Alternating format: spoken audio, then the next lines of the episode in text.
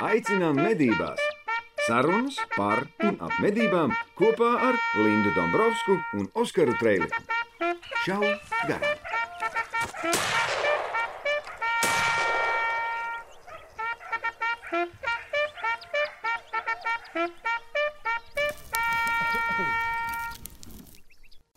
Sijā ieroči.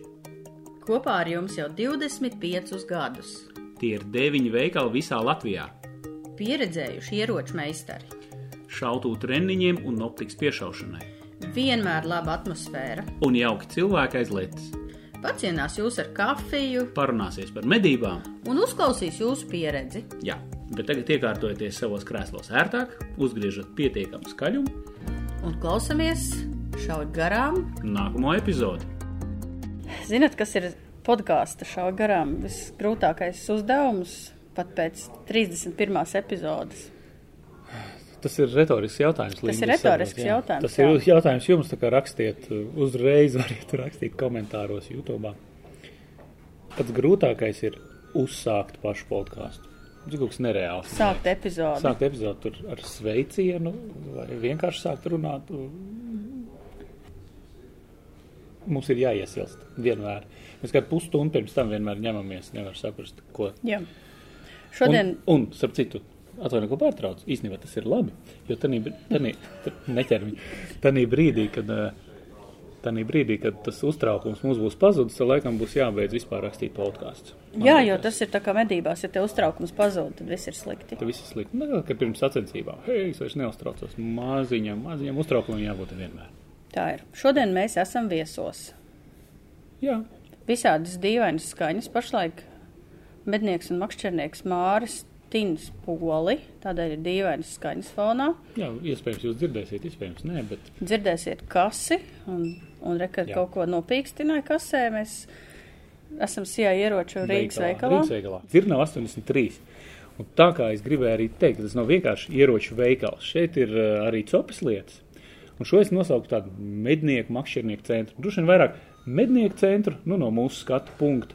Jo šeit ir arī divas šautavietas, viena interaktīvā. Šeit ir uh, pneimatikas šautuve, kur var uh, trenēties arī skrienot. Kas ir interaktīvā? Tu tā kā sēdi un domās šauji vai kā tas ir? Šeit pie kompi, vai ne? Nu, tas vienkārši es te ka tu paņem- apsēžos un tagad interaktīvi sāku šaut. Interaktīvi sāk šaut.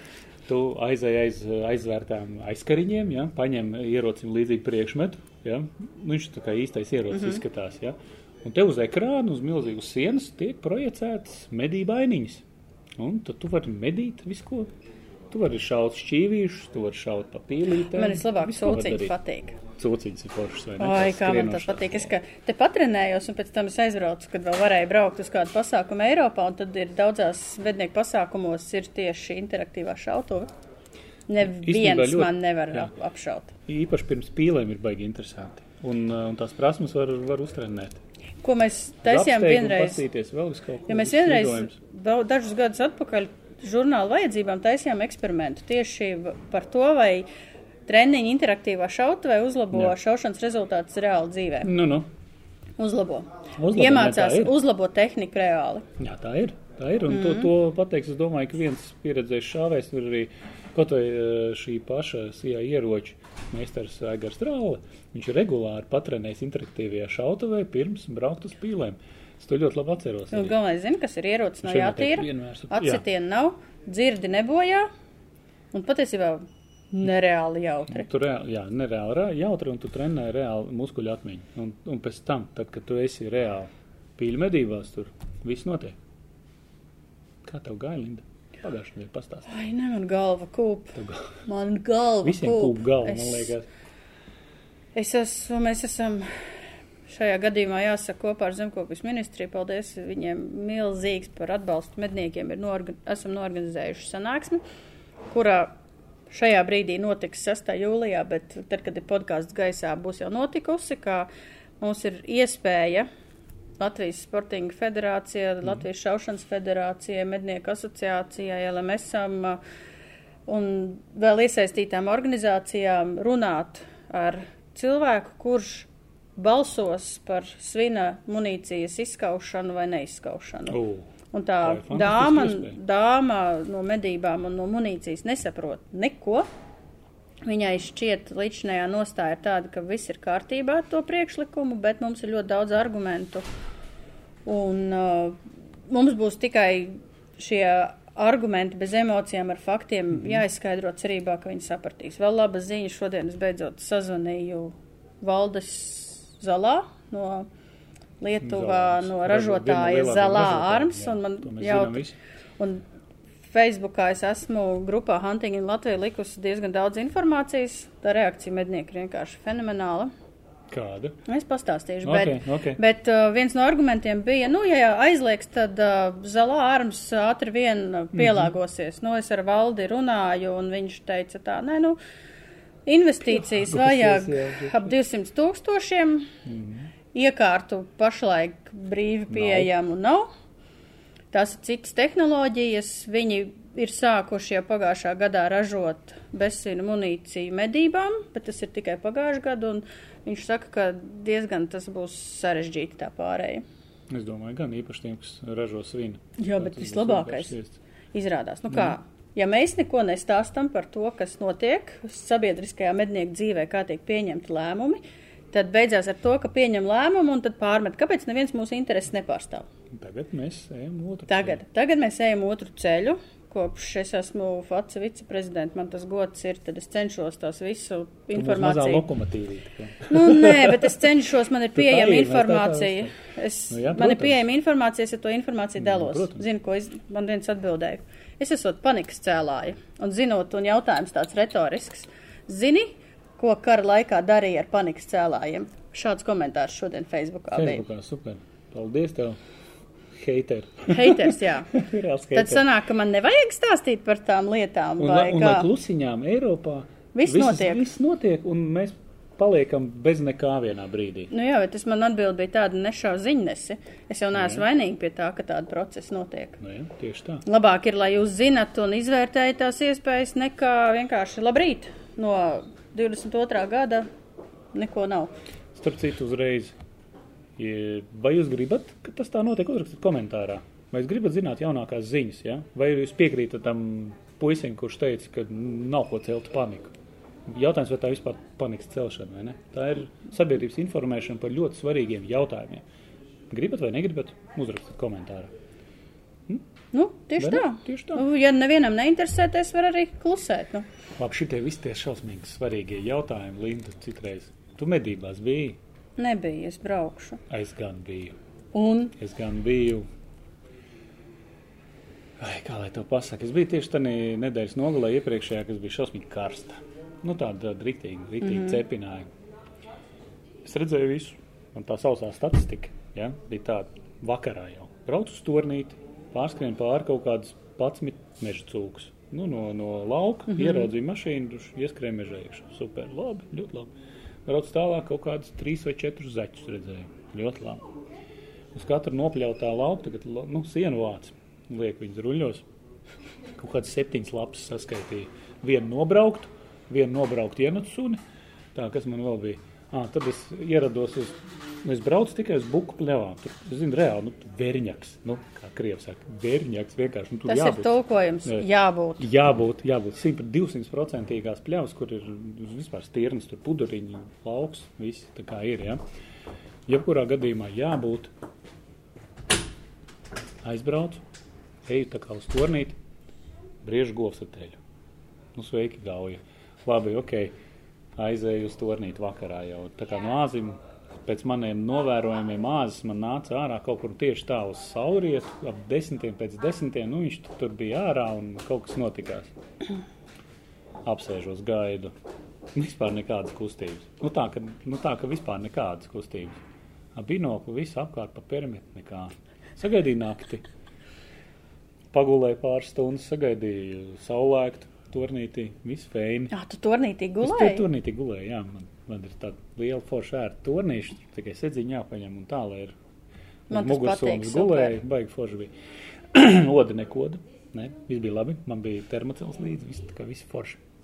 Un pamostos, smuks saulīt lec, tur it kā vējiņš, vēl kaut kas, tur tas karstums. Galvenais, ka varēja gulēt reāli tēkraklā, nu reāli iedomājies kāda nakts, jā, Nu, tropiskā bija. Tropiskā, riktīgi. Vēroju, Nekā. Nu, vispār tā, ka nekā. Saproti? Nu, nekā nav. Domāju, labi, jau līdz sešiem no rīta jau nogaidījos, labi, vēlas izbraukšu vēl, nu, kaut kur tā līdz deviņiem vēl izbraukāšu vēl pāris laukus, apskatīšos, aizbraucu. Tādu vietiņu smuki briežu purstu. Tur, tur, no viena gala, no otra. Nu, tur ir labība, mm -hmm. riktīgi. Tā, ka līdz padusēm jau gandrīz vai, nu, tāds garums saprot, ka tur tu neko neredzēsi, bet pat tām kaut kāda koka bija sacirsts, uzkāpa augšā, bija noskatos, oh, vēl divas briežu govs. nu, normāli tieši pie grāvīša ēd kaut ko ņemās viena stirna, ne āzis, stirna kaza. Domāju, vēlas, un ko te viņi kopā ar govīm? Nu, principā turpat ganās. Nu, jā, bet ja ir kazi, jābūt āzim. Jā. Nu, viegli papīkstināja, kas, lai vismaz, nu, uzmanību pievērst, kaza pievērš uzmanību. Nāc paskatīties, kas ko kā. Neviena āža. Neviena āža vispār. Evakuējušies? Nezinu, evakuējušies. Vai nu viņi ir vienkārši, nu, kā karsti. Kas tur? Es mežā pasēdēšu. Bišķiņ karsti. Tas, ka Reiman, nu, arī aiz šautūs teritorijā, visu laiku vakarā tur, nu, mūžīgi jābaidās. Par kaut ko viņam jābaidās šausmīgi. Viņš tur reja visus aprēja, bet viņš ir mežā, viņš ārā nenāk. Nu, tādas fēnas medības man bija. Apskaties foto. kaut ko. Jā, nu dzīvē bija daudz, visādi. Alni vēl neredzēja. Tu būtu pilnai laimē, man liekas. Tad, Tas arī skaisti. mežā sēdēja. Tas arī buļļi. Starp citu, buļļi nebija. Dāmas barojās. Viņi- Veču nav. Džeki varbūt gatavojās kaut kam. Džeki mežā. Tusējās. Nu, nezinu, kas tas ir, kas tās bija, bet nu, šajā nedēļas nogalē aizbraukšu. Paskatīšos vēlreiz to āzīti. Man pāris reizes reāli zinu konkrētus āžus, es viņus gribu sastapt, un viņi nav, saproti. Nu, pilnīgi kaut kāds. Kaut kādas šausmas, es to teikšu. Nu ko? Lādē iekšā! Vēl pirms tur sākām mūsu šī podkāsta galveno tēmu, kas būs par gluzdobru munīciju, bet ne no svina viedokļa, bet no citiem visādiem Nu, viedokļiem. visādiem citādiem aspektiem. jā. Atsaucoties uz vienu mūsu klausītāju. Jā, jā, jā. Bet es vēl gribēju atsaukties uz iepriekšējo epizodi. Mums ir fenomenāli, fantastiski klausītāji. Viņi Nu, nu. atrod informāciju, ko mēs neesam Tas ir labi. tā kā zinājuši, papildina, Jā. raksta komentāros, un pats labākais, ka ir gatavi paust savu viedokli. Un es ar viesturu vakar Facebookā Messengerī, man liekas, mēs strīdējāmies kaut kādas divas stundas. Sveiciens viesturam. Čau, viestur! Paldies, Jā. ka klausies! Bet stāsts bija par medību likuma 32. panta 10. daļu. Es nolasīšu, un mums tur radās mazliet jautājums. Davai. pat nebija domstarpības, mēs īsti nesapratām, kas ar to Varbūt domāts. nesapratu. Jā, sapratu. Ir tā, par medīšanu ar šaujam ieroci vai liels enerģijas pneumatisko ieroci, ja nav normatīvos aktos noteiktajā kārtībā iegūta vai ir atņemta mednieka apliecība vai medības šaujam ieroču glabāšanas atļauja, piemēro naudas sodu no 8 līdz 140 naudas sodu vienībām, atņemot medību tiesības uz laiku līdz 3 gadiem vai bez tā. jā. Nu jā, bet mans jautājums bija tāds, kā, Kā tev var atņemt, kā tev var atņemt medību tiesības, ja tev ir atņemta mednieka apliecība? Medību tiesības? Nu, ir teikts, tev atņem medību tiesības Tiesības. uz trim gadiem. Jā. Ja tad, ja tev nav iegūta vai ir atņemta mednieka apliecība, kā tev var atņemt medību tiesības, ja tev nav medību tiesību? Interesanti. Tad Nu, viesturs. Viesturs bija pārliecināts, ka tas attiecās uz, kā uz iecirkni, kā uz tiesībām medīt iecirknī, ka Iecirkni tev var konkrēti, atņemt juridiskai vai fiziskai personai, var atņemt uh, tiesības medīt konkrētā iecirknī uz trim gadiem, piemēram. Nu, arī interpretācija. Bet tā nav, jo es sazvanīju uz Zemkopības ministriju atbildīgo labi. personu, kurš izstrādāja šo likumu. Viņš teica, izlasiet anotācijā. Es izlasīju. Tur par, to Anotācijā. nebija, Anota- tur par to nebija nekas. Bet Bet Jānis Bārs no Zemkopības ministrijas skaidroja ar to tā, ka tas ir domāts, ka nevar atjaunot mednieku apliecību, kas ir atņemta vai trīs gadu laikā iegūta mednieku apliecība. vēlreiz. Šis jau smadzeņu mežģis tas jau ir. Nu, redzi, bet tu pirmo reizi izlasi, tev liekas, ka tu saproti. Tu saproti, nepievērsi otrreiz uzmanību niec. Tā ir nianses. Vēlreiz. Nu, davai, vēlreiz. Ja tev nav iegūta mednieka apliecība vai ir atņemta, Jā. Apliecība. tad tev atņem medību tiesības uz laiku līdz trim gadiem. Okay. Tas nav attiecināms uz iecirkni vai uz platībām, Nu, bet tas la- ir tas attiecināms uz to, ka tu vairs, kad tiek sodīts, tev tu nevari iegūt mednieka apliecību. Tu nevari atņemt, atjaunot, un tu nevari iegūt no jauna. Nu, skaidrs, Tev ir atņemts trīs gadus, tu trīs neko gadus nevari darīt. darīt. Tas ir tā domāts, jo tās esot tiesības medīt. Tur jau, man liekas, pašā teikuma sākumā jau ir vēl viena interesanta, nesaprotama lieta. Nu, jā, kā tev, ja tev Kā nav. tu, kā tu vari šaut ar ieroci, kurš tev jau ir noņemts? Nu, tas tā kā Nu, īpatnēja. tur atļauja runa, bet tas ir drīzāk attiecināms, ja tev ir nelegāls ierocis, kam Nu, nav tas iegūta jā, atļauja, to tad jā. beigsies ar to, ka tu nevari trīs gadus Tur iegūt. būs ļoti slikti. Jā, tādā brīdī. Nu, jā. Nu, un, Krimināls. un vēl viesturs vēl atsūtīja pašu zīmētu bildi, ko varat. YouTube var redzēt. Uh, uzzīmējot, kas ir pašāvējs, jo mēs ar jā. Oskaru diskutējam, kas varētu būt Kas tas varētu būt, jā. Tā kā- viņa viestura interpretācija bija tāda, ka tas ir tā kā bise, ar, kā es teicu, ar stieplīti, Nu, un ja tu ej pa taciņu, aizķer aiz kājas stieplīti, tad bise šauja. Ārkārtīgi, es teiktu, ārkārtīgi bīstams.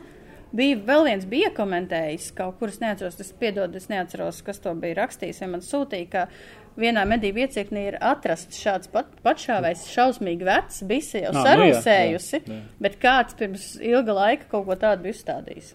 Nu, kāds, ka nebija gājis pārbaudīt vēl. Nu, Varbūt, Uzlicis un aizgājis, bet tas jau arī, nu, tā. nu Nu, jā, ieņem. Pat, pat, pat kārtīgs mal- malametnieks, jā, viņam, nu, viņš jau priekš kā viņš šauja, ne jau tāpēc, lai vienkārši nošautu un, hei, vienalga. Viņš tik iet pēc tam pēc medījuma. nu jā, Kaut kas bija noticis. Ka tik pats bija. nebija uz savu pašā vai kaut kur uzrāvies. varbūt tur kauliņi mētājās. Kaut kas tam līdzīgs. To jau neviens. Par to vēsture klusē. Tālāk. Nu ko, pārlādējam! Mēs esam Sijā ieroči, šodien epizodi kopā ar Sijā ieroči. Es sēžu uz vienu foršu medību krēsla, kur var Jā, grozīties. Baigi labais. A viņu ir ērti sēdēt uz tādu nelielu turnīšu. Un tu, ka tur Un var klusiņām tā, nā, Jā, nā, klusiņām nā, uz vienu pusīti, uz otru pusīti. Nevar uz Jā, rītu. bet tas foršs krēsls. Kas tas mecinīgs maksā? Oskaram patīk. Nav cenas. O, ir Ir, ir cena. cena. 89, 90. Nu, ok. Foršs krēsls. Tas ir ieročos, jā, saliekamais krēsls ir arī saliekamie metāla tornīši. Bet, ja jums negribās iegādāties tādu metāla tornīti, tad paskatieties mūsu vienu no vlogiem, kur Induls taisa tornīti. Starp citu. Tā mēs šodien runās, runāsim par munīciju. Es Jā. godīgi, godīgi tev pateikšu, es šodien Nu. neesmu vispār gatavojusies šai tēmai. Vispār. Zini, kā, kā kāds teikt, "A, ko tur gatavoties pa gludu stobru, vai ne? Paņem un grabini. vai ne? Šau tikai. Ko tur daudz? Ko daudz mocīties? Nu jā, bet jautājums, ko mums par uzdeva viens no runāsim? klausītājiem, nu, bija kāds. jā. Kāds no mūsu klausītājiem vārdā Guntis ir atsūtījis sekojušu jautājumu. Sveiks! Paldies! Tur ievērtēšu tā, tā, tā. Es viņam aizsūtīju pāris links, lai viņš noskatās mūsējos podkāstu un dažus arī vlogus. Es jau gribētu tos podkāstā dzirdēt par gludstobru patronām, jo ne visi uzreiz tiek pie spicējiem, par ko jūs jau esat stāstījuši. Respektīvi, kas ir jāņem uz lapsu mezdībām, eh, to, ka visus var šaut ar lodi, zinām, mēs visi, ja, bet trāpīs, netrāpīs, tas ir cits jautājums. Piemēram, bukam 6,2 ir labs, bet vai var ar 5,2 izmēru, vai ar 6,2 var šaut cūku, un ja nevar, tad kāpēc, ja? kas uz spīlēm, cik lielu skroti un kurā brīdī kādu, ja? cik lielā attālumā renkuls būtu labs, līdz 35 metri, līdz 50, e, tad lode jau labāk. Sākšu ar atzīšanos. Jā. Ar gludstobru es medīju praktiski tikai un vienīgi ūdensputnus. Es esmu ar gludstobru vienreiz savā mūžā nomedījis meža cūku, man bija šausmīgi bail. Man liekas, ka viņi nekrīt. Un man, nav, man nav uzticība gludstobram personīgi, kā Kāpēc? ierocim. Mēs jau runājām vienā Es podkāstā. zinu, zinu, jā, bet nu, normāls ierocis. Es. Es saprotu, ka ir normāls, bet uh, man tas liekas tā, ka gludstobrs ir radīts putnu medībām. Tāpat tās kā daudzās Eiropas valstīs, lielos medījumos dzīvniekus Mhm. ar gludstobru vispār šaut nedrīkst. Ir daudz valsts, kuram pasaka, mēs šaujam gludstobru ar balni ar gludstobru lodi, viņi uz mani skatās tā kā uz aptaurētu. Jo jautājums- mans, manas, es vēl gribu, Nu, ko es davai, gribu atzīties. Tā kā es gludstobru Atzīsties. izmantoju ļoti salīdzinoši reti divus mēnešus labi, ja gadā uz putniem, tad man patroni. izmanto ļoti daudz. Nu, ja, nu, tas ir cits ierocis. Man ir cits ierocis sportam un cits ierocis medībām. Tā. Nu. Nu, man patronas Sapratu. ir tā, ka man ir katru gadu tu atver kaut kādu paciņu, kaut ko izšauju, kaut ko neizšauju, to, ko neizšauju, saberu čupiņā. Tā es savācu Spainīt. Spainīti reāli ar dažādām patronām un manu ūdens putnu medību, kā lai saka, nu kā arsenālu. Mm. Manu ūdens putnu medību munīcijas arsenāls ir tā kā sauksies gremučais mes, jeb mm. Kas ir tas ir? kas ir tas ir. Un... Pasmēl to. Nu, apmēram tā. Es, es saprotu, kādās distancēs ar šauju, kādos apstākļos, un tad es tur tā parakājos, o, oh, ir, šitien vajag besīnu, ok, un tā. Bet varbūt tās mēs varētu pieminēt, ņemot vērā, ka tu tiešām tik maz šauji. Jautājums, vai šaušana ar gludstobru atkal šaujot uz māla baložiem, teiksim, tā tev palīdz? Protams, man Es pat. vienkārši ā, gribētu, lai pieminētu vēlreiz, ja mēs runājam un mūsu klausās tiešām jaunie mednieki, tad Nu, es teiksim, tas bija jautājums arī mūsu viena no aktīvākajiem klausītājiem, Artis Čukna, kurš dabūja no mums nazi. viņš reāli vienmēr iekomentē, un tas ir fantastiski. Un viņš bija uzdevis vienā grupā, Facebookā jautājumu medības Latvijā, vai šaušana uz, uz māla baložiem, jeb uz šķīvīšiem, mm. uh, palīdz kā treniņš šaujot ar citiem ieročiem un citās disciplīnās. Viennozīmīgi. Tas palīdz. Ne tā kā mēs esam sijā ieroči, tad mums te ir fantastiskākais servis. O, O, mums sataisīšu, jā? Ā, tu taisīsi Tu kafiju. vēl taisīs, ka mums būs, mums drīz būs kafija. Mums būs kafija. Šaušana uz šķīvīšiem, kas ir ļauj tev saprast, kā apstrādāt mērķi dažādās distancēs, kas lido ar dažādu ātrumu, un vēl piedevām ir dažādās trajektorijās lido. Un tad, kad tu, piemēram, ieraugi meža cūku skrejošu un tu stāvi karabiņu, tev jau galvā viss aritmētika tā kā sarēķinās. Mm. Tu nu, redzi distanci, tu redzi mērķi izmēru, tu redzi tā ātrumu, un tad tev čik, čik, čik, muskuļu atmiņa. Nekāda Zemapziņa problēma. Nav svarīgi.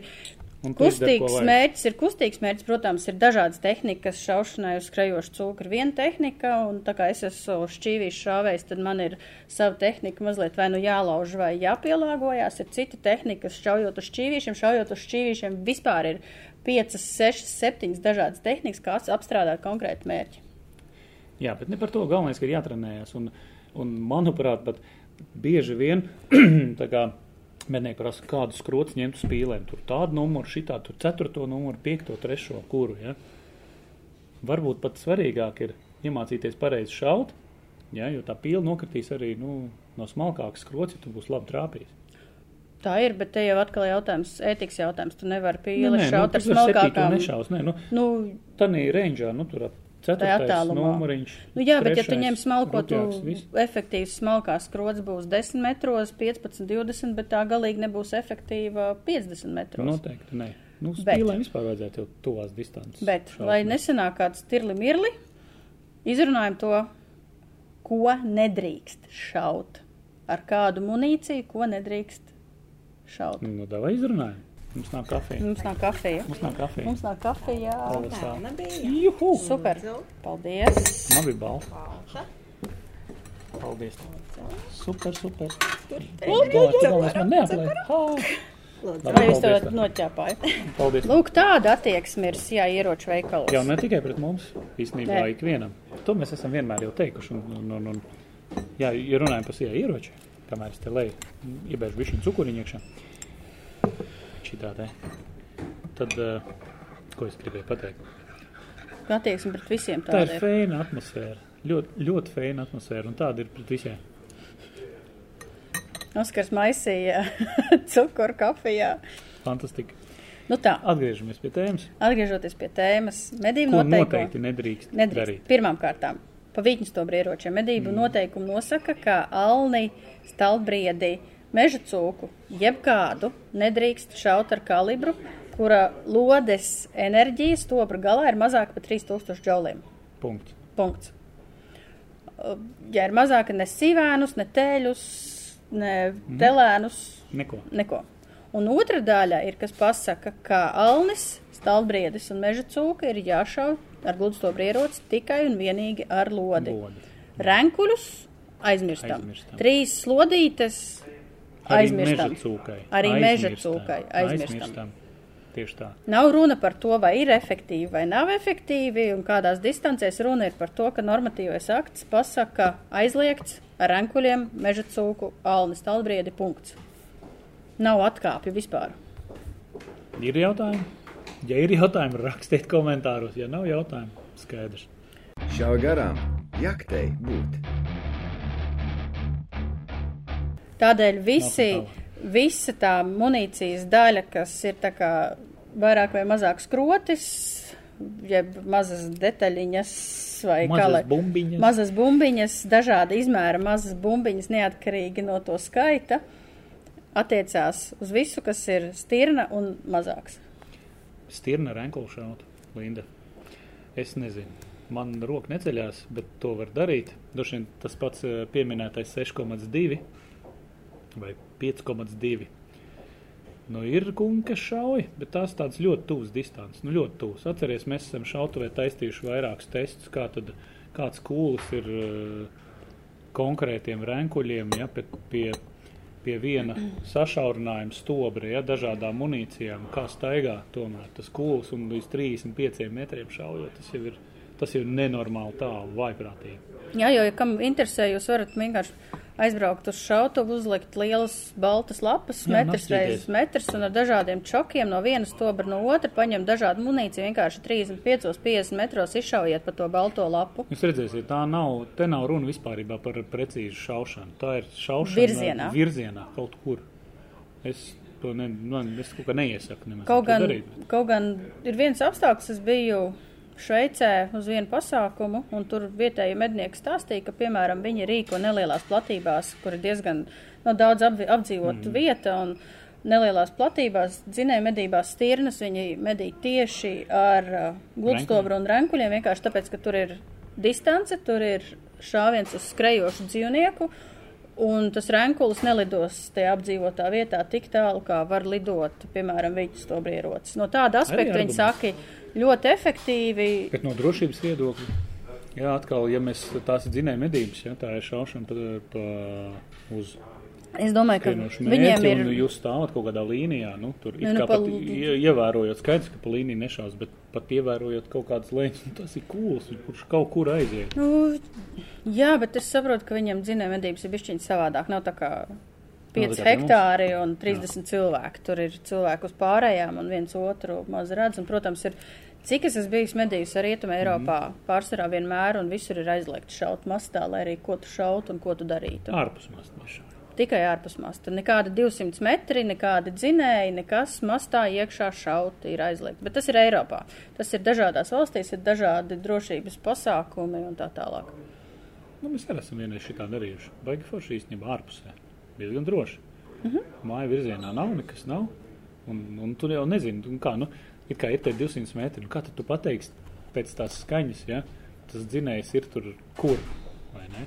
Nu, kādu noteikti 200 metrus tagad tam dzinējam? Nu, nekā. Ja nu vienīgi tu viņu vizuāli ieraugi un tu ap, nosaka attālu, jā. Bet, ja ir kaut kāda skaņa, tev kā vējš iegriežās vispār, viņš tur aiz puduriņu vai aiz kalniņu. Tu nezini. Tāpēc, nu, Nu, jā, tādēļ tā šajā tā. ziņā tā ir rekomendējoša norma drošības mm. prasību ievērošanai, un katram ir jāizmanto sava smadzeņu pelēkā masa, lai loģiski katru situāciju novērtētu. Mhm. Ok. Ejam tālāk. Labi, nu, pieņemsim aptuveni skaidrs. Ko tu izmanto? Kādu numuriņu izmantojam pīlēm? Kāds tas somā ir? Kāds ir tādu izmanto? Nē, nu, principā man ir, principā sezonas sākumā es izvēlētos piekto numuru, numuru. svinām, bez svinām tas būs ceturtais vai trešais, jebkurā gadījumā. Jā, Uz svinu piektais ir tīri jēdzīgs. nu, jā, un pēc tam, kad ziemeļniecis nāk iekšā, Tad jau ir tad lielāks. raknāks. Tad ir lielāks. Bet tāpatās ar bezsinu tas pats ir trešais numurs, jau nav jēga kaut kādu nulīti šaut. Nē. Starp citu par šo jautājumu varbūt palūksim viedokli arī pieredzējušam medniekam, pīļmedniekam, arī, starp citu, mūsu māņu klubu biedram, jā, ļoti pieredzējušam, kas arī ar, ar, ar mānekļiem ņemās un, un, un pīles medī, man liekas, jau cik jau 11 gadus viņu uz Lubānu brauc, un, un, un šis cilvēks tiešām pieredzējis pīļu medībās, tas ir Andrija Anāņins. Eksperta viedoklis. Jā, sveiki visiem. Jā, par munīcijas izvēli tieši pīļu medībām. Iet veikalā, tiešām piedāvājums eh, ir liels. Ir ar konteineriem, bez konteineriem, lielākas, mazākas, dažādi grami, dažādi lādiņi. Un tiešām cilvēks, kuram nav tik liela pieredze, varbūt var par visā var apjukt. Un tad kaut kādi daži padomi no manis, kā pieredzējuši putnu mednieka, kā atrast sev piemēra, piemērot munīciju, lai ne, norintētos visā tādā piedāvājuma klāstā. Pirmais, vajadzētu saprast uh, vietu un metodi, kā tiks medīta pīle. Principā attālums. Jo iedalās, es teikšu tā, viens munīcija ir ar, konteineri un viena ir bez konteinera. Ar konteineri tā, kas uh, paredzēta tālākam distancēm un bez konteinera, kas paredzēta tuvākam distancēm. Tuvāk distances tas būtu pieiešana, celšana, kaut kādi nelieli grāvi, kaut kāda neliela dīķis, varbūt, kur, kur mēs to pīli sagaidām. Tur tu noteikti šaušanas attālums ir līdz 15 līdz 20 metri, un tams konteineris galīgi nav vajadzīgs. Ja konteineris paredzēts ir šaušanai jau medīšanai jau 30 metri, 35 metri, 25 metri attālumā, jo kā kurai munīcijai konteineris varēs vaļā no 10 līdz 15, līdz pat 20 metriem. Līdz ar to, ja, ja, mums ir šaušanas attālums ļoti tuvs, tad ļoti pārsvarā un ļoti bieži ir šāviens garām, jo tas konteiners vēl nav atvērties un uz tādu distanci, nav iespējams trāpīt. Tas būtu pirmais. Zinām, ja mēs braucam laivu lielā ezerā, attālums būs lielāks, protams, ņemam munīciju ar konteineru. Tālāk, nākamais, ar ko mēs šaujam?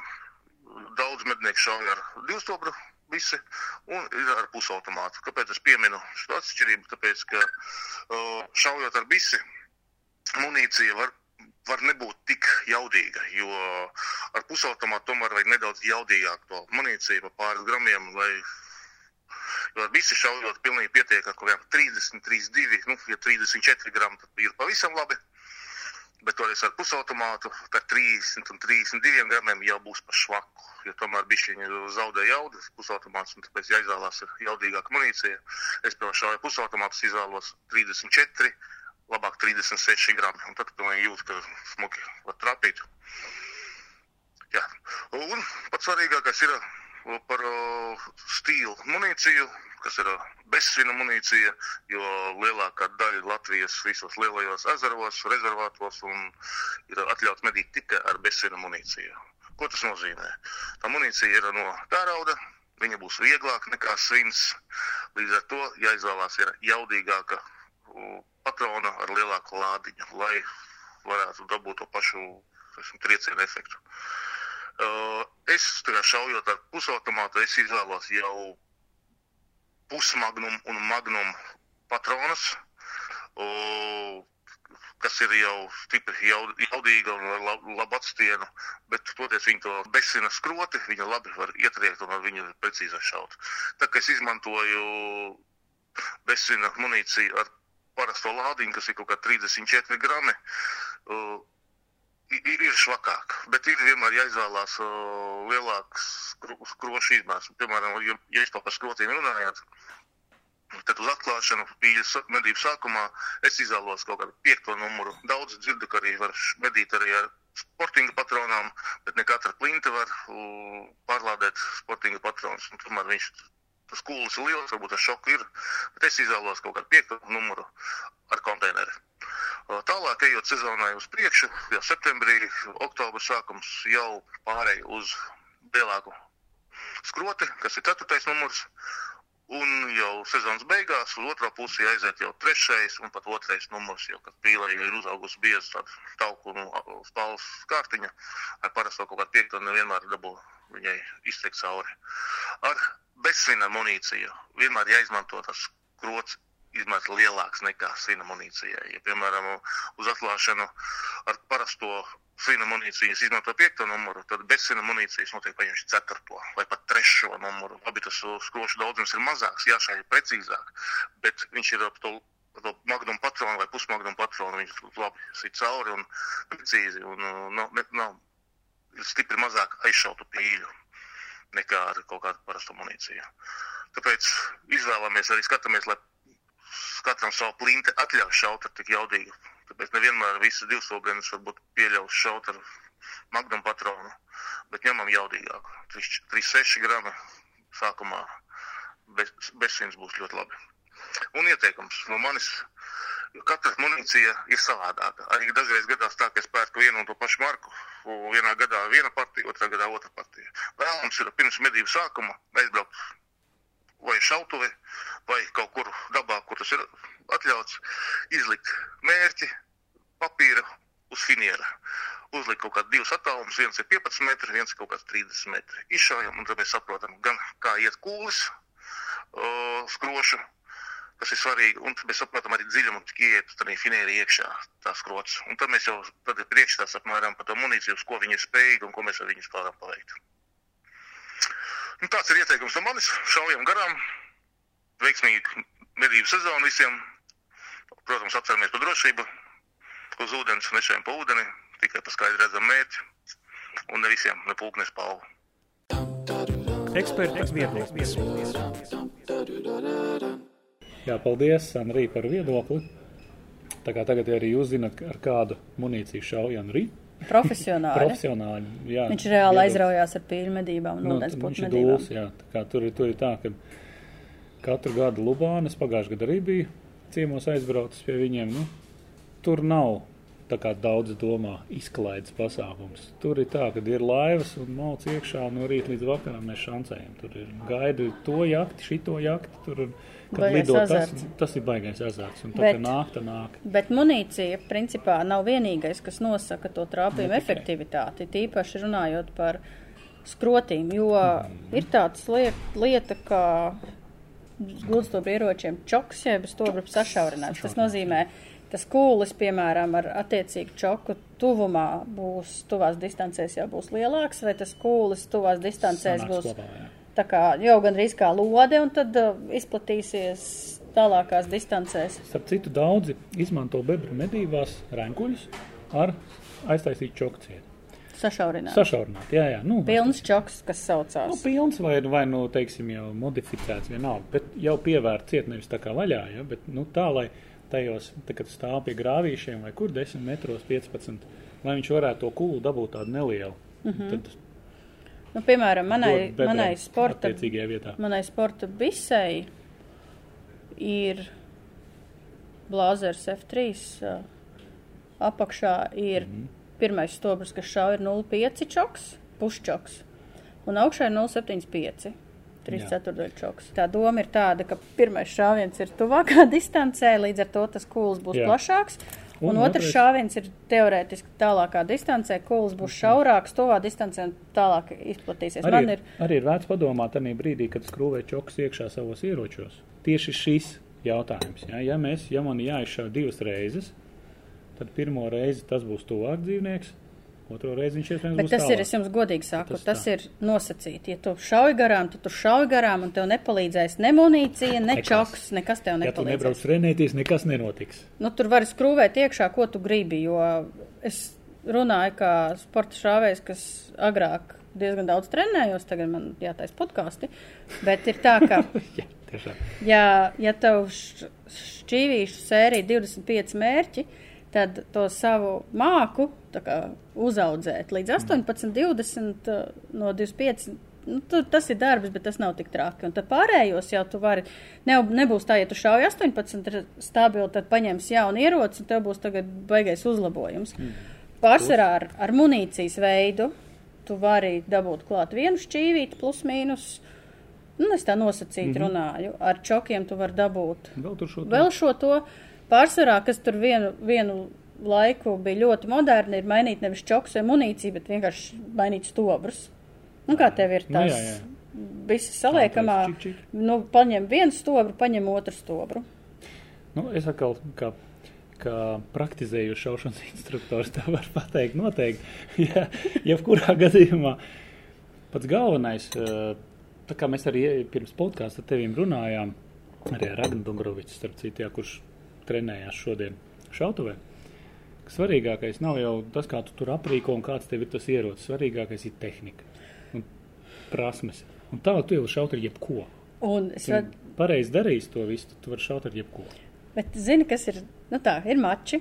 Es redzu, ka man ir tūs mērķis, un man ir kabatā normāla munīcija, un tad man ir tā saucamā fibra, kas ir uh, gudstobra munīcija bez čoka, tas, nu tā, bez konteinera. Mhm. Bez Tas konteinera, nozīmē, ka, ka tas jau izlidojot no stobra varās vaļā, un tas nozīmē, ka pat desmit metros tas tam kūlim teorētiski ir jābūt lielam. Un kas man notiek? Man galvā notiek klikšķis. Aha, es ielieku munīciju kas pati visu izdarīs, un man nekas nav jādara. Mm. Un ir garām. Ikreiz, kā ieliek to fibru, Ir garām. ir garām. Ja tu saņemies ar jebkuru munīciju, šauj zini, ka tev tas mērķis ir un tev tas mērķis jāapstrādā. Būs trāpīts. Tā kā nevajag paļauties. Nevajag. Tas tā kā at, atvieglo dzīvi, bet mm. to dzīvi nepadara vienkāršu. Paturpinot šo tēmu, Linda. Linda jau aizskāra vienu interesantu tēr, tēmu. Ja mēs runājam par skrošu munīciju, un piemēram par skrošu munīciju pīlēm, viena munīcija tiek ievietota konteinerī, un otra munīcija bez konteinera. Ja, un, un te ir tā mm, viena svarīga liela atšķirība, kā izmantot viņu. Ja? Tad, tad standarta parasto munīciju mēs izmantojam pīļu medībās nu, vienkārši uz pārējām vai kur, kur viņas lido pārlidojot. Bet, ja jūs ejat brienat, piemēram, pa dīķiem uz celšanu, uz celšanu šitā munīcija bez konteineru ir baigi efektīvā. Ja? Efektīvāka? Efektīvāka nekā, ja jūs šausiet ar uh, baigo kūlu, jo jums jau rēķiniet, pavērās vaļā, pēc konteineru viņš pavērsies vaļā tālāk. Ja? Un, ja jūs ļoti tuvā distancē pīlē iešausiet ar tādu Trāpīsiet, jā. trāpīsiet, un tad viņi vienkārši pašķīdīs. Jā. Tādēļ e, bez konteineru ir tieši ļoti laba efektīva munīcija uz celšanu. Jā, bet vēl ir tāda lieta, ko obligāti pievērsiet uzmanību. Tīpaši, ja jums ir modernie ieroči. Ir mans, Apzīmējumu tu domā? jā, man, man, man ir pusautomāts. Benelī, Jā. ko es svinēju MMD kausos loterijā 2003. gadā. Forši. Bet tur ir tā, ka nāk līdzi vesels komplekts ar čokiem. Mm -hmm. Tur vajag kādru, vienmēr apstīties, cik kāda ie, iedaļa ko nozīmē, bet man ir veseli divi, un plus vēl piepirkts viens čoks klāt tieši, tieši pīļu medībām, lai šautu tālākās distancēs, kas ir ļoti labi. Uz Bet, jā, bet šos speciālos čokus, kas ir īpaši sašaurināti, man viens pat ir tāds garāks ar pagarinājumu, kad tas stobrs paliek garāks, līdz ar to tas munīcija lido tālāk. Nedrīkst lietot ar bezsvina munīciju. Tur ir Ah. tieši rakstīts virsū, no steel. Ir aizliegts lietot ar bezsvina munīciju. Induls sēž un rauc pieri, un viņam ir jauns ierocis, un visticamāk, kādam no tiem čokiem ir arī uzrakstīts no steel. Pārbaudi. Pārbaudi, ja tur ir cits spiediens un viss. Vēl otrs vajadzētu, protams, pārliecināties saviem ieročiem, vai, ir, vai tas stobrs konkrētais ir atzīmēts ar to Lilijas ziedu, jā. lilijas ziedu, kas Lai- nozīmē, ka kā- drīkst izmantot stīlu. High, high performance, augstas jaudas munīciju var izmantot. Jā, Jo standarta, vēl ar standartiem tur ir vēl daudz maz ir ok, bet ja ir magnumi un augstas enerģijas, vai sauksim, enerģijas, sauc, jā. uz pacīņas rakstīts high performance, tad tie spiedieni ir diezgan liela. lieli.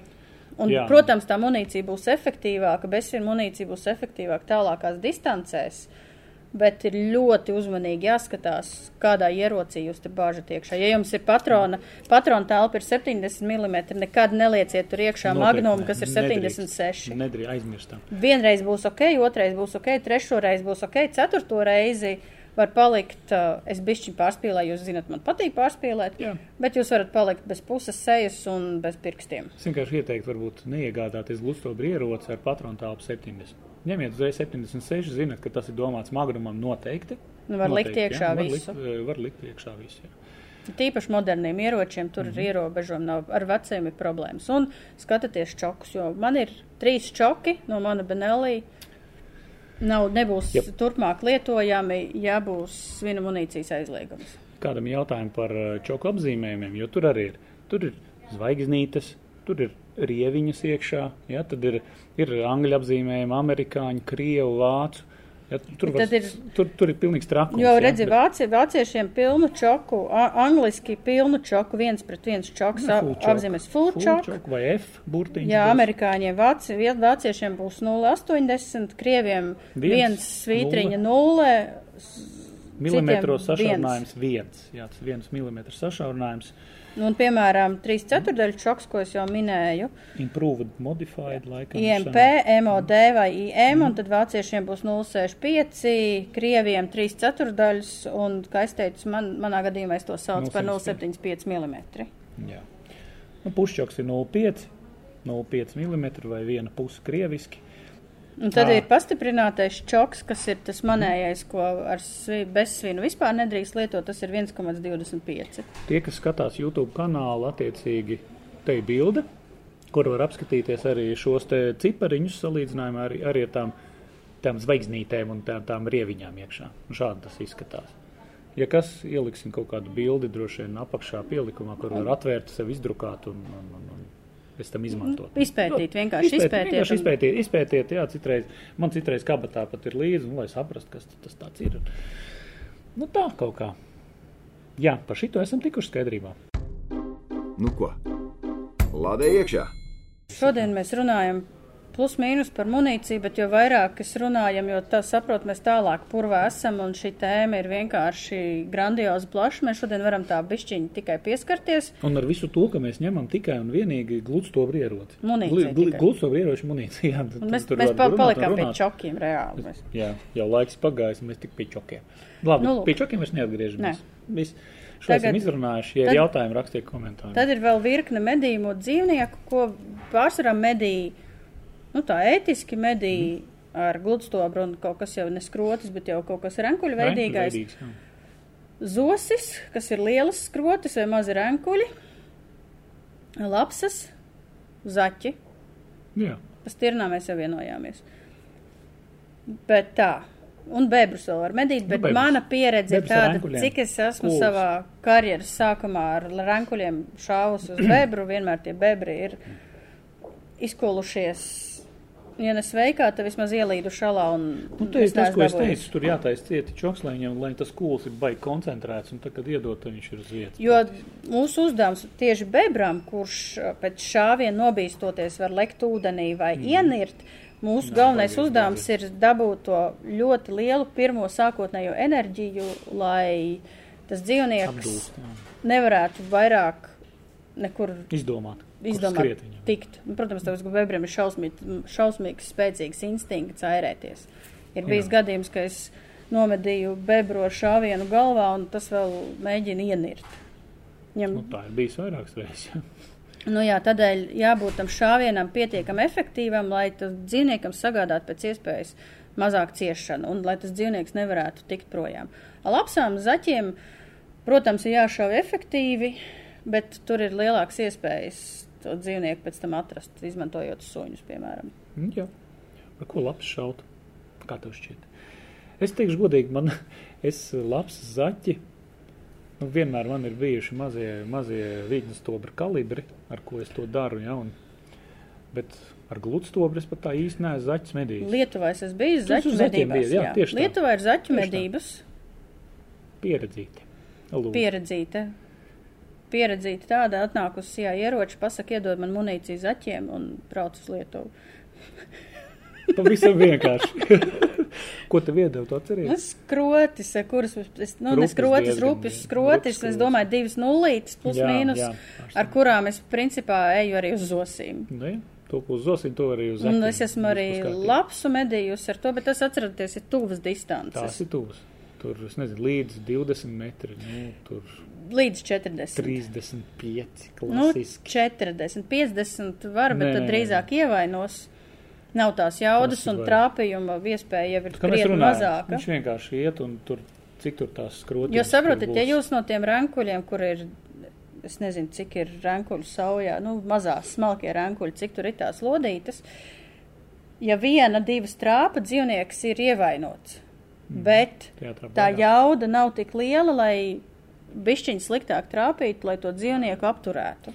Un šeit nav arī runa par hidrošoku kā tādu, tur vienkārši tam tiem skrotiņām ir jāķer kaut kādi nu, svarīgie orgāni, un tad, tad ir ok, bet nu, tam kūlim jābūt lielākam ir. Noteikti.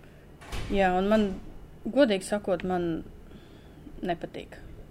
Nepatīk tā iemesla dēļ, ka tā munīcija lielākās distancēs nav tik efektīva. Es pat tajās dzinēju medībās, kas bija zaķu medībās, skrēja lapsa.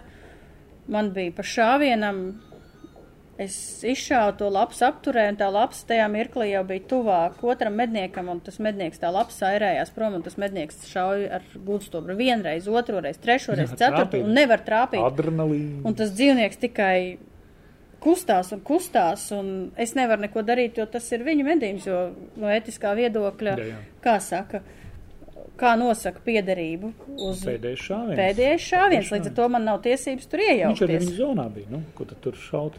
Nu, tad jau viņš bija viņa zonā. nu, Nu, jā. nu, un tad tas skats vienkārši ir dramatisks. Ja jūs šaujat, tad šaujat ar pārliecību. Ja jūs apturat to dzīvnieku, tad ir otrs šāviens, kas to piebeidz. Tas ir ētiski. Tas ir mednieka ētikas galvenais pamatprincips, ar kur vadās izvēloties arī munīciju, sagādāt dzīvniekam pēc iespējas mazāk ciešanu. Tādēļ es izvēlos parasti lodi. Uz zaķi, gludstobra Uz zaķi nē, nē, uz zaķi nē, uz zaķi nē, uz zaķi nē. Es domāju, kaut vai to pašu lapas. Un es nešauju gludstobru lapsu. Saproti? Nē, nu jā, jā bet nu, kā, kā cilvēks teica, viņam nav citas nu, iespējas. viņam nav citas iespējas, bet Zinē, medībās, ja tu, tu stāvi Nē, uz okay, ko, ko darīt? Tad, tad, tad, te mēs varam izvēlēties arī lapsai. Droši vien jau kaut kādu tādu jau no smalkā gaļa rēnkuļi. Ja? Zaķis, tad attiecīgi divas nulītes līdzīgi kā zosīm. Nu, tie rupjie, rupjās, baigi riktīgi rupjās skrotis. Tas ir vērtīgi. Kas tālāk? Es vēl esmu uz zosīm izmantojis nu, vienkārši tāpēc, ka tā munīcija ir sakrāta un ir jāizlieto, bet ko es esmu, labi, es neesmu labākais piemērs šajā jautājumā. O, man ir tādas saucamie tā kā bakšoti, mm Mhm. -hmm. kas ir lieli, diezgan lieli renkuļi, iet uz zosīm. Bet Nu, es esmu secinājusi, nu, tā kā, nu jā, jo zosī jau vajag to jaudu, jo viņai tas šaujot zosi no priekšas, tas spalvas ir tur tik biezas, ka citreiz, tā kā saka, no, dzird, ka nograb un nekas nenotiek, jo Jā, tā distance ir tālāk, te munīcija nav jaudas to caursist.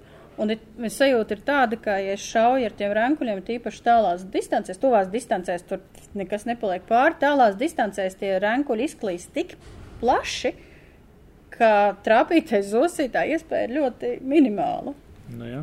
Vai arī viņu var ievainot, viņa aizlido un Bet es godīgi, es jums godīgi saku, zosu medības man ārkārtīgi patīk, bet bez Karadīni. saviem medības suņiem, es šauju gludstobru zosus Gludstobru, klasiski, bet Nu, bez jā, jā. saviem medības suņiem divas trešdaļas putnu, ko es esmu nomedījusi, būtu pazuduši.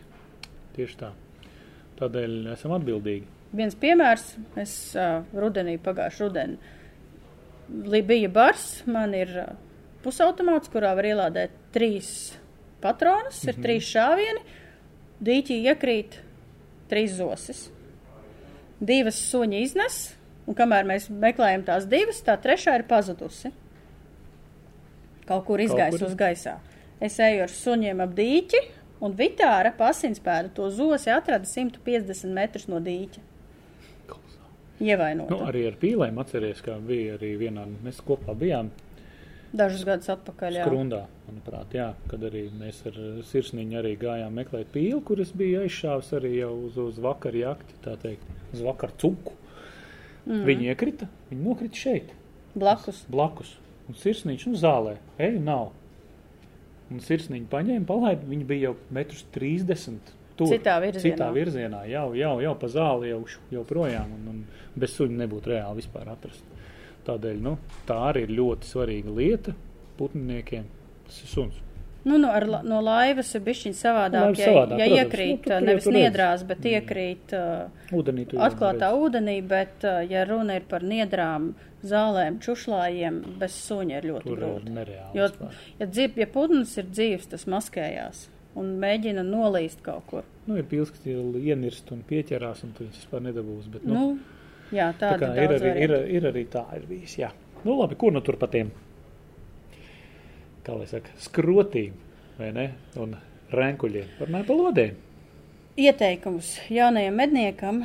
Es saku, tas, kas ir vienam strādā, Otram nestrādā. otram nestrādā. Vienkārši ir, ir tādas Jābrauc uz šautu un sajūtas. Jā, jo katram ir savas sajūtas. Un tādēļ vēlreiz balta lapa, šautuve, 35 metri. Mm -hmm. Eksperimentējiet ar dažādu Jā, munīciju, tā. dažādu lielumu un dažādiem Te čokiem. mēs arī pie tā nonāksim. Arī tieši tas pats arī ar lodēm. Daudz prasa, kādu lodi izvēlēties. Lodi jāizvēlās ir tāda, kāda jums iet jūsu konkrētiem ierocim. Tas ir pierādījies jau man arī gadiem, cik šautu man ir, cik mēs strādājam. Bet tur man patīk šī, tas vienam patīk, tas otram šitas. Šim ierocim tas iet, šitam tas neiet. Ja? Vēl, vēl, vēl piemēram, arī attiecībā uz lodēm arī no svara ir čoks. Ar pilnu čoku mums čoku neiet. Neiesaka neiet šaut ar lodēm. Noteikti nē. Jābūt atvērumam. Vai nu tad ir cilindrs, kas ir pilnīgi vaļā, vai nu kaut nedaudz, nedaudz jā. Bet arī iesakām dažā, pamēģināt šautavē dažādus ložu veidus Mhm, un noteikti, dažādus noteikti. čokus dažādās distancēs. Tieši tā. rezultāti būs atšķirīgi. Jā, un to es no savas pieredzes varu pastāstīt arī kaut vai manējiem pusautomātam, ja? MP153. Piemēram, ja man ir vairāk ieroču, arī šautavē lietoju, un, es esmu apstājies pie vienas konkrētas lodes, es varu šaut vai nu ar Breneku vai, piemēram, to pašu zalu, ja? viņiem ir uh, līderis 32 nieci. Tās man iet vislabāk. Es esmu izmēģinājis visu, ja? arī Dundurens, tā saucamās, ja? metāla Bet lodes. tūlītās būs visticamāk, ka Dundurens būs Dundurens topē un būs tev citu topā, un opciju man būs, nebūs. man būs, nebūs cita opcija. Nē, bet man ir vēl viens cits ierocis, kur Dundurens superīgi. iet. Tur ir tas, ko es gribēju teikt. Kad ar vienu ieroci es esmu piešāvis, un, un tur ir tā tiešām, no Dundurenēm bija ar, ar, ar MPšu, man lietas, ko tu tur skrūvēji gribi, viņi iet tā kā, es atvainojos, undi ventilatorā, ja? Nu, tu nevari konkrēti trāpīt, tu nesaproti, kas notiek. Es ieliku zalu, līderis, lod, lodējiet. Bet Super. ir viena nianse, ko mēs, par ko mēs pārliecinājāmies, palīdzot vienam kolēģim mūsu, Mm -hmm. ka jāšauj ir no tādas pozīcijas, piešaujot ieroci, nevis no rokas, bet tā, lai tas ierocis nekustīgi stāvētu un būtu stabils pamats, Nē, nu, tas ir jāsaprot. Tad mēs saprotam grupu. lai varētu Jā. izveidot grupu no rokas, tur var, Tur- būs tā kā ar to tavu ventilātoru. Jā, jā tur, tur, tur, tur, nē, nu, tur tā ir. Tā ja jūs- brīdī, kad ir piešauts, jā, atvainojos, ka pārtrauc. Tad brīdī, kad ir piešauts ierocis no stabila atbalsta, tad mēs ņemam rokās, jo tur mainās attiecīgi tēmēšana un stāja un vispārējais. Un tad attiecīgi jau Jā, tad, kad ir piešauts, tad mēs varam saprast, kas kā kas iet. tad ir. Un tad var mēģināt. Jo no rokas rokas. piešaut, jūs varat no rokas šaut ar skrotīm, Jā. bet ne ar lodi. Noteikti nē, noteikti nē. Jā, un ar tām lodēm tā ir. Jā, nu konkrēti šī lode, ko es saucu, tā man garšo vislabāk. Un viņas ir jāmēģina. Tā ir. Jā. Tavam ierocim garšoja, nevis tev. Nu, man, Oskars es nēd Oskars lodes. nēd lodes, man ierauc un garšoja. Jā. Es reāli paņēmu piecas dažādas markas, piecas dažādas markas un mēģināju. Nu ko, pārlādējam! Okay, turpinam, Linda, turpinam starp citu. Par lodēm. Par lodēm runājot, es gribu vienkārši pieminēt tādu mazo atkāpīti, ka mūsu uz galda, draugi mīļie, ir fantastiska grāmata. Medību ieroči, ko ir sarakstījis Aivars bibliotekārs retums. Bibliotekārs retums, ja jūs viņu dabūnat. Šeit ir nenovecojoša informācija. Tā kā, zin, kā, nu, kā tā ir informācija, kas ir jāzina, tā tā kā vēsture. Ja šo jūs esat izgājuši cauri, jūs diezgan daudz arī zināsiet par to. Jā, bet tiem, tiem, kuriem nav šīs grāmatas, jūs varat uh, iegādāties, vēl ir pieejams žurnāla medības divu gadu vecs pielikums. Jā. Medību ieroči un munīcija. Un tur ir pa vītni, pa gludu, Jā, pa jā. munīciju. Ne tik biezi kā šeit, bet ieskats būs Nē, un nu. skatīties, ar ko sākt pētīt. nu. Noteikti. Jāsāk ir ar žurnāla medības pielikumu, un tad jau var pāriet uz Nu, par- domu. jo- jo Šeit arī- ir daudz smalkāk. Te ir daudz smalkāk, un te ir arī nu, tā kā tāda Bet dziļāka. un Tas pielikums vēl pieejams. Šitā grāmata jau ir. nav pieejama vairāk. Mm. Pielikumu var dabūt kur? LA.CLV e-veikalā. Nu, lūk, bet mēs esam sie ieroču veikalā, Cirnevielā 83 Rīgas veikalā lielajā, un runājam par lodēm. Munīcija. Ir Ir vēl tāda lieta, ir lietām, vēl jā. viena lieta, kam ir jāpieskarās, ka ir ieroči, kas skaitās gludstobri ieroči, bet viņiem stobrs ir vītņots un tam ir paredzēta speciāla munīcija, kuru ne visu drīkst lietot ar Ar parasto gludstobri ieroci. Jo viņi baigi ir- Ko dara? pa- Mēs runājam par paradoksu. Ko tas stobriem. dara? Kāpēc tas ir vajadzīgs? Ar šo starp citu, ar paradoksu stobru un paradoksu lodi var uh, lielās tālās distancēs ļoti veiksmīgi medīt. Un tās lodes, kas ir, viņas ir arī veidotas tā, viņi ir kā ekspansīvas lodes, pārsvarā visas uh, munīcija, kas ir paradoksam paredzēta uh, Latvijas tirgū, cik es esmu tā pētījis, tās, starp citu, jau ir bezsvinu munīcija pārsvarā. Jā. Bet jums vajag speciāli ieroci tam. Daudz, starp citu, runā par, uh, ir pastāv viedoklis, ka amerikāņi ir izdarījuši ko, paņēmuši 50 kalu, ja, 50 kalibru, nu, to lodu iebāzuši konteinerī, ielikuši 12 kalibrā. Nu, tā, tā, tāds aptuveni ir tas, tas priekšstats, jā, bet, nu, starp citu, pagājušajā, pagājušajā, ne šajā, vēl nedēļa iepriekš manā šautuvē bija viena mednieku kolektīva, tāda kā mazais pasākums, mm -hmm. kur, uh, kur bija treniņi, nu, nesauksim par treniņiem, vairāk tā kā, nu, tāda Nosauksim to par treniņiem. Labi. Šāvu skrienošu meža cūku. Un viens no puišiem uh, gribēja izmēģināt, kā tas būs šaut ar paradoksu. Un Kā lai to saka? Nē, visi pagaid, kārtībā. kā viņam bija ierocis paradoks vai Jā, jā, jā, jā. Nē, Nu, nē, nē, nē, nē, visu, viņa, viņam bija maināmies stobri, viņam bija Winchesters ar maināmiem stobriem, viņš izšāva ar savu pusautomātu attiecīgi pa skrienošu ar parasto ar sporta munīciju, un tad viņš gribēja pamēģināt, kā tā būtu ar medību munīciju, un, un šaujot tieši ar to paradoksu, un kā var, ja. Nu, pamēģinājām vienkārši stāvošu, tālā distancēs uz 100 metriem iet Iet, labi. es esmu pat redzējis, es šāvus iet. ļoti labi, ļoti precīzi. Jā, ļoti precīzi, nu, par arī pa skrienošu pašām. Bet, ko es gribēju teikt, ir jāsaprot, ir divas lietas. Ja? Ir kā plus, liels plus paradoksam ir tas, ka tu vari tālā distancē ļoti efektīvi un veiksmīgi medīt, jo tie mednieki, kas izmanto e, medībās, ja, arī uz gaidi, piemēram, ir ļoti priecīgi, bet ir tā otra medaļas puse, ja, tās izmaksas.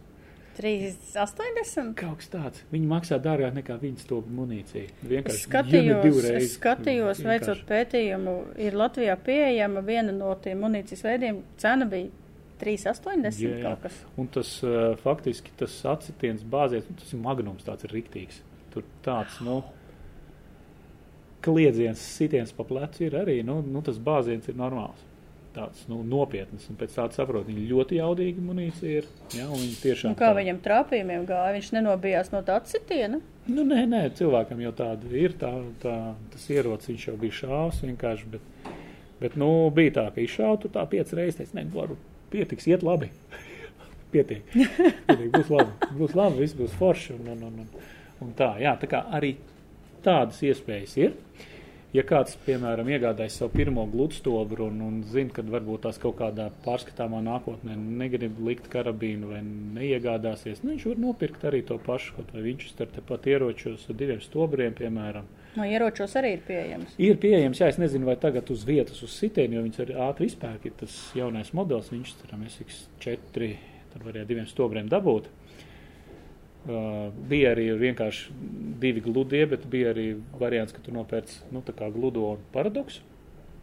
Un, nu, tad tev ir tā kā, kā divi tādi interesanti ieroči, kuriem tu vari no ar paradoksu uz gaidu var mierīgi uzliec kaut vai kaut kādu nebūtu sarkano punktiņu vai ko. Un aiziet. Bet jaunie mednieki, kuri domā par pusautomāta iegādi, ir vēl vien divas nianses. Nu, nu. Pirmām kārtām, ja nemedīja meža cūkus, lapsas, ienotas suņus, nedrīkst lādēt vairāk pa trim patronām. Jā. Un stājoties spēkā jaunajam ieroču aprits likumam, ar šiem ieročiem ir ļoti ierobežota iespēja braukt uz medībām ārzemēs. Es gribēju šo te tev papildināt. Uzreiz saku, ka uh, ieroči Eiropas pasē jūs viņu nedabūsiet iekšā. Uzreiz saku. Tātad uh, tas būs ierocis, ko jūs medīsiet tikai Latvijā. Vai arī jābūt ir speciālam dokumentam, kas apstiprina to, ka tā ir valstī, uz kurien jūs brauksiet, nebūs pretenzijas. Tam Jā, jā, dokumentam jā, ir jā. šausmīgs nos, nosaukums, ko es nevaru atcerēties. Jā, vienkārši brīdim, kad, uh, ja negrib nu, kaut kādas zināmas sarežģījumus, tad labāk nerakstam Eiropas uh, pasītē iekšā un, un viss. Nu. Tas ir jauniem medniekiem. Tas ir jauniem medniekiem un arī pieredzējušiem Pieredzējušiem, zinā, jā. zināšanai vienkārši. Šāva garām, jaktei būt. Mums ir fantastiski klausītāji vienmēr un skatītāji. Un fanu Mm. pulciņš savācies, un mēs zinām, ka ļoti daudz jaunie mednieki mūs klausās, Jā. kas ir fenomenāli. Bet, kā saka, amerikāņi vienmēr at, atsaucas vai atkāpes paziņo. Šī informācija, ko mēs jums stāstam, tā ir mūsu personīgā pieredze. Mm -hmm. Ir daudz lietas, ko mēs nepasakām. Varbūt mūsu pieredze var atšķirties no kāda cita pieredze. Galvenais ir pašiem eksperimentēt, pētīt, palasiet grāmatas, palasiet internetu, Google. Tā te ir otrs, fantastiska mēs jau jums nevaram iedot arī kaut kādu konkrētu recepti. Ja tā katram ir tā būs diskusija. tieši tā ir diskusija, un katram būs tā recepte savu. Nu, piemēram, piemēram pie munīcijas izvēles, nu noteikti. Es vienmēr esmu uzsvērs. Tātad paņemam vairākas munīcijas vienības, tur pa piecām no kaut kādām tur dažādām, ja tu nezini, kas tev kā iet. Pietiks ar trim arī. Nu, trīs, četras, jā, vienalga. Nu, respektīvi, eksperimentējam, to es gribēju teikt. Ja? Mhm. Atrodam to lodu un ar to arī šaujam, medījam. Man personīgi arī, ja jautā, kā man krīt ar eh, gludstobru ieroci un, piemēram, to pašu līderu 32, ar, ar kur es šauju, iet lieliski. Es esmu dzinēju medībās arī dupletā, ja, dabūjis briežus. tā kā Viss ir precīzi, un nav tā, ka nekur tālu neaiziet. Turpat arī ir, ja ir precīzi šāviens, viss ir labi. Ja man prasa, kā man Nomedīt krīt, es nezinu, tāpēc, ka es savu gludstobru ieroci šauju vai nu sportu, kas ir šķīvīša un skrošu Mhm. munīcija, un ar šo ieroci, sporta ieroci, es ar lodēm nešauju vispār. Un es nezinu, kur man lodes iet, un tad man ir medību ierocis pusautomāts, kurus izmantoju ūdens putu medībās, un ar lodēm arī praktiski nešauju. Iemesls tāds, ka izrādās, ka es saņēmu ieroci, loterijā vinnēju, Jā, forši. 20 gadus atpakaļ. Gandrīz. Un ar lodēm šis ierocis vispār neiet. Ir atšķirība 27 cm uz leju. Tāpēc, ka tas ierocis tam nav paredzēts. Un man mēģināja tam ierocim uzlikt īpašu Jā, tēmēklu. Man tur ir tā kā Jā. novirzīta Jā. tēmēklis, Ah, tas uh, bezdalīgs aste ar graudu galā. Man tā viss tā kombinācija man riebjās. Bet es saprotu, ka var likt sarkano punktu tēmēkli virs, es esmu mēģinājusi. Bet es nemāku šaut ar gludstobru ieroci ar tēmēkli, tāpēc Ā, Lodi ir ok. ar lodi, jā, bet es saku, es tik maz to izmantoju, ka man nav vērts likt virsū. Vēl, vēl starp citu runājot par ieročiem, kas ir. Nu, kā mēs zinām, mums ir, ir mantojums. Mums ir padomju savienības mantojums ar to, ka mums ir ļoti daudz eh, padomju savienībā ražoto ieroču. Un, nu, manuprāt, te ir nosacīts tā kā plus, ja, jo eh, tā kā visā Eiropā, vecajā Eiropā ražoja gludstobus vairāk domāts tā kā šaušanai ar skrošu munīciju. Tieši tā.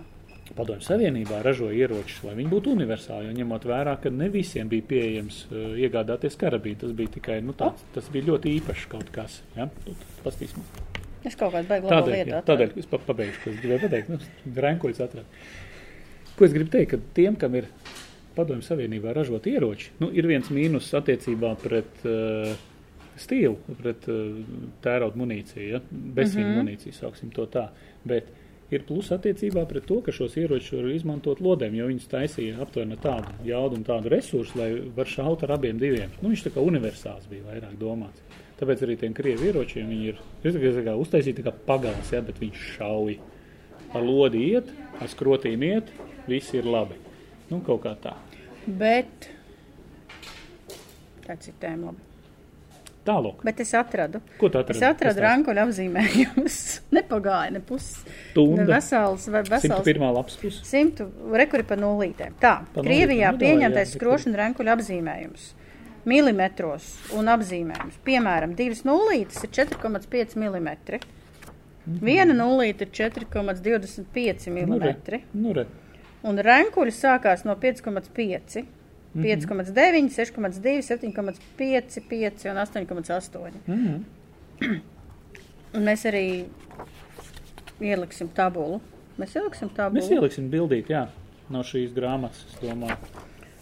Ieli, Un atceramies, iekšā. ka Vācijā, Anglijā, Krievijā Jā, ir ļoti dažādi tie apzīmējumi. Un Dundurkungs ir uztaisījis tabulu ar to, tabula īstenībā. kas pasaka efektīvākie skrošu izmēri medījumā dzīvnieku iegūšanai. Nu, Un tā tad skrošu diametrs 2, sporta Sporta mērķis.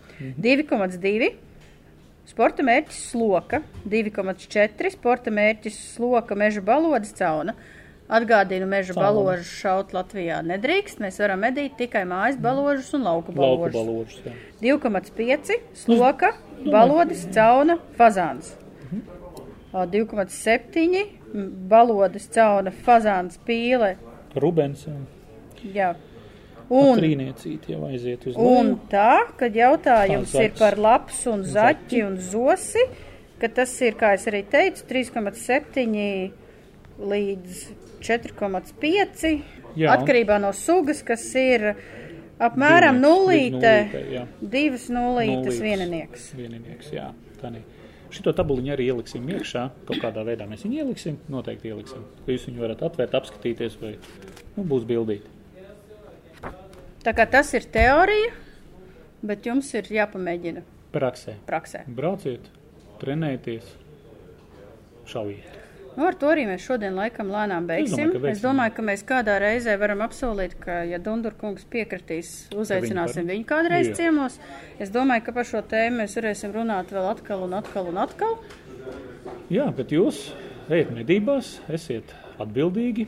Abonējiet žurnālu medības, jūlija numurs ir klāt, man vēl mm. nav, bet jūlija numurs ir klāt, tur ir par meža cūkām, par likuma skaidrojumiem, mm. par trešiem pielikumiem. Ir, kas mums vēl tur ir? Ja, viss kaut kas tur ir. Tur ir tā, ka vienkārši lasi un kļūsti gudrāks. À, par binokļiem, Par par kuriem binokļiem, ir tālmēra opcijas un mm. vēl viss kaut kas daudz interesants. Jā, Galvenais induļu intervija ar Sēlijas virsmežniecības jauno medību inspektoru. o, jā. Bet savukārt jūs, ja jūs gribat kaut ko iegādāties un kaut kādus numurus, nākiet uz ieročiem. Šeit ir labi eksperti un jums palīdzēs izvēlēties pareizo munīciju. Piemēram, sakat, man vajag munīciju, zaķu un lapsu medībām. Nu, tur divas nulītes tev ir. Viņš teiks, ir vai nav. Ja? Un tā tālāk. Un kādas ir opcijas? Un kādas ir opcijas? Tā kā Vienmēr šaujiet ar konkrētam ierocim un konkrētiem čokiem piemērotu munīciju. jā, šaujiet garām, Galīgi garām, garām, tā kā garām, tā kā garām. garām, garām. Jaktei Un būtu. tā kā vispār garām Un jaktei būtu būt. Ņemamies nost! Masts beidzies!